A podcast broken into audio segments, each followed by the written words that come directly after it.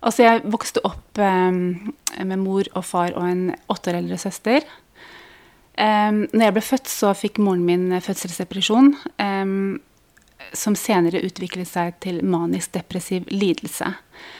Eh, så jeg vokste opp med at hun kunne være eh, innlagt, eh, ble tvangsinnlagt i perioder på psykiatrisk sykehus. Og opplevde egentlig at jeg aldri eh, kom nær min mor. Eh, altså, jeg var ikke trygg da. Mm. Så jeg hadde på mange måter en utrygg eh, eh, barndom i forhold til det å være nær og nære relasjoner. Eh, og samtidig så hadde jeg mange støttende ting rundt som var gode også. Altså aktiviteter og mm. Ja, mange gode ting også. Mm. Mm. Men dette skulle føre til at eh, altså Du nevnte utrygghet, sår, en del ting som skulle prege deg veldig videre. Ja, for det, det, gjorde noe med eh, Altså, jeg fikk ikke en god og trygg tilknytning til eh, moren min. Um, så når jeg i 20-årene hadde fått barn sjøl, så eh, fikk jeg angst. Um, og jeg kan vel kanskje si at jeg i i ungdomsårene òg var eh, noe deprimert, uten at jeg kunne sette ord på det da. Og jeg følte på en måte at jeg hadde ikke noen å snakke med det om. Eh, det var ikke sånn eh, mye åpenhet rundt det da som, eh, som det er nå. Eh, selv om vi stadig kan bli bedre på det, tenker jeg, i samfunnet. Men eh, ja, så jeg utvikla angst sjøl, da. Mm. Som tok mer og mer tak i meg. Altså jeg kunne fungere hjemme med barna mine. Eh, men det var vanskelig å ta buss. Eh, jeg kunne ikke gå på jobb. Da jobbet jeg i bakeri. Eh, og så var jeg i kontakt med en psykiater, og han sa at jeg kunne begynne på tabletter. Men det var på en måte ingen som eh, tok tak i at det kunne være noe bakom her. Altså at det var en grunn til at jeg hadde den angsten. Mm. Um, men så ville jeg ikke ta de tablettene, og Eh, og så var jeg i kontakt med en angstforening eh, som sa at jeg måtte nok leve med dette her resten av livet. Og det hadde jeg veldig vanskelig for å godta, for jeg tenkte at nei. Så allerede da tror jeg Gud begynte å eh, tale til meg om at nei, det er noe, det er noe annet for deg, Hilde. Altså, du skal ikke ha det sånn. Mm. Så da fikk jeg en indre tro på det, da. Mm. Men etter hvert så kom du inn i en krise, og det var tøffe ting i livet ellers i ekteskap og forskjellige ting som skjedde, sånn at du ja, du kan gjerne fortelle sjøl. Ja. Eh, eh, jeg kom inn i en krise med min, min daværende mann. Eh, og eh, vi beslutta at vi skulle gå fra hverandre, og det var veldig tøft. Altså, jeg eh, sleit veldig med det. Og skjønte at jeg ikke kunne klare å, å komme ut av det aleine, da. Så um, jeg ønsket hjelp. I sin søken etter hjelp så Hilde en annonse i avisen. Og da var det at jeg så eh, denne annonsen i avisen, som stilte veldig mange gode spørsmål, og som jeg virkelig kunne kjenne meg igjen i. Jeg kunne svare ja på alle de Jeg tror det var fem spørsmål. Og så tok jeg kontakt med de, og eh, og eh, fikk time der, da. Og det viste jo seg at det var eh, alternativt tilbud. Ja. Jeg hadde på en måte ikke noe særlig tro på en vanlig psykolog eller psykiater, fordi der hadde jeg jo bare opplevd å få tablett. tabletter, sant. Så um, jeg begynte å gå der. Mm. Og det skulle du være med på i mange år. Du kom vel gjerne lenger og lenger inn i det alternativet? Ja, det, det gjorde jeg. Eh, jeg opplevde jo virkelig å få hjelp av dette. Sånn, altså, vi begynte å se på ting, og jeg skjønte jo at eh, jeg ikke bare måtte ta tak i det i forhold til det som hadde skjedd. Eh, I forhold til skilsmisse og, og sånn. Men at jeg også måtte ta ting i ting som hadde skjedd i barndommen. Og opplevde virkelig at jeg fikk hjelp til det. Ehm, jeg begynte i sånn mm, selvhjelpsgruppe, og ehm, eh, Og det var jo egentlig der jeg begynte å bli kjent med det åndelige, da. eh, og bli mer bevisst det. At jeg kunne ikke komme, klare dette her sjøl, jeg måtte ha hjelp av eh, Gud. Um, og det var sånn jeg begynte å bli kjent med Jesus midt i det, i det alternativet, da. Mm. Mm. Hva skjedde egentlig da? Altså, du drev med meditasjon, du drev med mye forskjellige greiner før du forteller? Ja, altså primært så var jeg i, på dette senteret, men der um, var det jo forskjellige metoder som var hentet fra det alternativet. Og noen av behandlingsformene som Hilde kom i kontakt med, og som hun etter hvert begynte å behandle pasienter med sjøl òg, de kalles for energibalansering, samtaleterapi, egenutvikling og litt meditasjon drev hun òg da med. Men Hilde opplevde at Bibels Jesus etterjaget hun midt oppi det alternativet som hun drev med. Jeg hadde vel en formening om da, som det er vanlig i det alternativet, at alle veier fører til Gud. Altså eh, Ja, ikke bare Jesus. Og jeg opplevde at eh, i behandlingene, da eh, eh, Når jeg skulle gå inn i vonde minner og bearbeide de, så opplevde jeg konkret at Jesus kom og holdt meg i hånden, og at han var ved siden min. Da. Så jeg opplevde at Jesus kom For jeg hadde jo veldig liten tillit eh, til mennesker, egentlig. Altså jeg hadde veldig liten tillit til at jeg kunne eh, fortelle hvordan jeg hadde det, eller opp gjennom årene jeg holdt alt for meg sjøl. Um, og trodde det, det var nesten farlig å dele ting. Um, så Jesus gjorde det sånn at jeg fikk mer og mer tillit til han, da. Rett og slett. Han holdt en hånd over deg hele tiden midt i det alternativet, så vi skulle tro at uh, han ikke blandet seg inn, på en måte. Men hadde noen bedt for deg da, Hilde, siden Tror du det, siden, siden han var med deg til og med inni dette? Det vet jeg faktisk ingenting om, altså. Altså, jeg jobbet også i Posten eh, før dette, og da hadde jeg to kristne kolleger. Og jeg spurte i ettertid, når jeg var blitt frelst, om de hadde bedt for meg. Og det har de, så jeg tror også de har bedt for meg. Så ja, ja egentlig så har jeg blitt bedt for. Mm. ja. Altså, ja, jeg var midt i det. Um, men så var det sånn at uh, lederen min uh, dette stedet um, Altså, dette var en franchisebedrift. Så lederen for den franchisebedriften, eh, hun gikk på bibelskole. Så det var hun som eh, utfordra meg eh, på å ta Jesus eh, til herre i livet. Eh, og hun ringte meg og spurte eh, tror du at Jesus er Guds sønn. Ja. Eh, tror du at Gud eh, Altså, han døde for dine synder? Ja, det tror jeg. Tror du at Gud reiste han opp fra de døde? Nei, det klarte jeg ikke å tro på, for det på en måte gikk på tvers av forstanden min. Men jeg hadde veldig lyst til å tro det. Og eh, vi snakket da en del om at eh, det går ikke an å bare komme til Jesus som at han er en bank jeg bare kan ta uttrekk fra, på en måte. Eh, han, er, han er ikke en servicestasjon.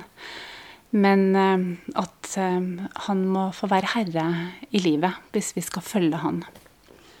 Um, ja, så da blei jeg utfordra på, det. Og um, så gikk det et par måneder. Jeg var på møte i tabernaklet, og, og der var det bl.a. noen som hadde et budskap i tunger. Det var et sånt kvinnemøte. Og det fascinerte meg, men samtidig så, eh, så, ba jeg til Gud, for jeg kjente at de hadde Guds fred, eh, som jeg så desperat lengta etter. Jeg lengta sånn etter den freden som bare Gud kan gi, kan jeg si i dag. Um, så jeg ba om det, og jeg ba til Gud om at jeg vil bli frelst, men jeg klarer det ikke av meg sjøl. Bibels hørte Hilde sin bønn og ønsket om å bli frelst, til tross for at hun i årevis hadde vært i kontakt med mørkets krefter gjennom New Age. Og på et hotellrom i Stavanger, på en gebursdagsfeiring, der de skulle feire en av lederne for denne klinikken som hun jobbet på, så grep Jesus radikalt inn i Hilde sitt liv. Så kom vi på hotellrommet før vi skulle gå ut og spise, og da hadde hun en bibel på, på nattbordet sitt. Og, og jeg ble akkurat som et barn. Bare kjente at, uh, Og spurte kan, kan, ikke du bare lese i Bibelen for meg. Og det sa hun ja til, og begynte å lese. Og jeg, jeg husker ikke hva hun leste, men uh, Men da bare kjente jeg en sånn strøm av kjærlighet som kom inn i hjertet mitt. Sånne bølger av kjærlighet. Og så klarte jeg bare å si at å, Jesus, jeg elsker deg. Jesus, jeg elsker deg. Det var det eneste jeg klarte å si. Og da Det som er litt rart når jeg ser på bilder nå i ettertid, så kan jeg se bilder på kvelden etter at dette skjedde. At jeg hadde fått et lys i øynene mine, på en måte. Altså jeg, jeg, jeg kan se en forskjell når jeg ser på de bildene. Så jeg definerer det som eh, At da hadde jeg et gjennombrudd i frelsen. Altså at jeg blei skikkelig helfrelst. ja. Men allikevel så hadde jeg ikke åpenbaring om hva jeg var i. Så eh, eh, jeg var ikke ute av det alternativet av den grunn. Ja. Ja, hva, hva, skjedde videre? Da? Altså, da hadde jeg fått Den hellige ånd, så da eh, tror jeg Den hellige ånd begynte å lære meg opp. Altså, da klarte jeg mer å skjelne. Og jeg skjønte at eh, her er det noe som er galt, men jeg skjønte ikke hva. Um, og det gikk faktisk um, ganske mange år um, før jeg kom uh, helt ut av det, da. men jeg begynte jeg, jeg, var vel uten Altså, jeg gikk bare sporadisk på møter uh, i en halvtårsperiode etter at jeg blei frelst. Men etter et halvt år så sa Den hellige ånd til meg en kveld, en lørdagskveld, at Hilde, hvis ikke du eh, går i en menighet, så kommer du til å miste det du har fått av meg. Og det var veldig alvorlig. Eh, så jeg bare heiv meg over avisen og eh, eh, fant et sted jeg kunne gå på møte. Gikk på møte dagen etter der. Kom inn i cellegruppe dagen etter der, og så begynte jeg å vokse som kristen. For eh, man trenger andre troende for å vokse som, eh, som kristen. Vi trenger å være sammen og stå sammen. Så du hadde altså den onde omskaper seg til en lysets engel. Det er åndelige krefter som gir seg ut for å være så gode og så fantastiske. Så er det bare for å føre oss vill og for å få makten over oss, for å kontrollere. Kan du fortelle litt? Ja, for det opplevde jeg virkelig at jeg, eh, selv om jeg følte meg at jeg var fri på noen områder, at jeg hadde fått hjelp, så følte jeg meg stadig mer bundet. Altså Jeg gikk med en sånn konstant frykt for vi hadde fått beskjed om at vi ikke skulle dele med noen andre, for det var ingen andre som ville forstå hva vi holdt på med. Uh, men jeg gjorde det allikevel. Så jeg delte det med, med, Raymond, som er mannen min i dag. Og da kjente jeg også på en veldig frykt når jeg gjorde det. Ting som du hadde med deg fra det alternativet? Ja, ting som jeg hadde med meg fra alternativet, og som jeg opplevde der. På en måte det vi dreiv med, da jeg hadde en stadig uro og kjente at her er det noe feil. Og hvis folk spurte meg ja, hva holder du på med, så hadde jeg lyst til å synke ned i jorden. Altså, og jeg skjønte ikke mine egne reaksjoner. Um, og jeg opplevde åndelige angrep. Um, altså demoniske angrep, både i form i drømme. Um, det var det, Jeg opplevde at det var en reell kamp uh, om mitt liv. Altså jeg hadde en jeg skulle ta en, eh, en ettermiddagshvil, og så med en gang jeg hadde lukket øynene, så fikk jeg en uh, opplevelse og et bilde av at jeg lå på et operasjonsbord. Uh, og det veldig, opplevdes veldig virkelig for meg. Um, og da, det var Gud på en måte skulle operere meg i hodet, hadde en, en hjerneoperasjon. Men så var det en åpen en døråpning foran benken, og der kom det en mørk skygge. Og det var den onde. Og han kom inn i rommet, og da gikk Gud bort til han. Og så sto de ved siden av hverandre. Eh, og det var tydelig for meg at eh, den onde prøvde å forhandle om eh, livet mitt. Men da var Gud veldig tydelig, og han sa at nei, Hilde er min. Så det var på en måte det det slutta med. Og det var også noe jeg tok med meg. og når jeg hadde altså jeg opplevde demoniske angrep om natten i drømme, at det var demoner som holdt meg nede, og at jeg ja, Mm. Så det er, det er, ikke bare å, å, leke med sånne krefter. Det, kan, det kan uh, få, få, helt makten over oss, rett og slett. Ja. Altså. ja, jeg opplevde at jeg hadde makten eh, over meg, og heldigvis så så kom Gud og redda meg. Altså ved at han frelste meg midt i dette her. Og det som var fantastisk, var jo at han på en måte brukte en annen person som var under den ondes herredømme, til å eh, bringe frelse, altså til meg. Det syns jeg er rett Jeg kan bruke ordet kult, for det, det slår liksom Altså, den onde har ikke noe han skal ha sagt, til syvende og sist. Ja. Så det, nå er det mange år siden du ble helt løst fra alt dette alternativet og ja. okkulte som du var borti og ja. drev med i mange år? Ja, det var det. Så um, la jeg ned det, det jeg holdt på med. Og eh, brente alle bøker og all, all lærdom av det alternativet. Jeg hadde veldig stort behov for det. Jeg ja, kjente jeg, jeg var nesten kvalm. Altså, det opplevdes veldig skittent, rett og slett. Mm. Så jeg er så takknemlig til Gud for at han fridde meg um, ut av det. Ja. Hva vil du si til andre som driver med det? For det er jo ofte gjerne en lengsel ja. som fører oss inn i det uvitende om hva vi egentlig ja. går inn i av villfarelse. Ja. Uh, ja. det tror jeg òg. Jeg tror det er en opp, uh, oppriktig søken som, som driver en. Eh, det kan jeg si at det var i mitt tilfelle. Eh, men det er bare én vei til Gud, og det er Jesus. Det er ikke flere alternative veier. Eller at vi skal finne vår egen vei. Og det som er typisk med det alternativet, det er jo at um, man, man, skal være herre sjøl. Man skal ikke ha Jesus til herre. Nei. Uh, og det står det ingenting om i Guds ord. Heller så advarer de mot det. sant? I Guds ord. Så ja, jeg vil advare mot all form for, for new age, altså alternativt. Uh, fordi at Sånn som for meg sjøl, så var jeg på et veldig svakt og sårt punkt uh, i livet mitt når jeg kom inn i det, og, og, og ble dratt inn i det. og trodde jeg fikk hjelp. Sant? Altså, jeg, ja.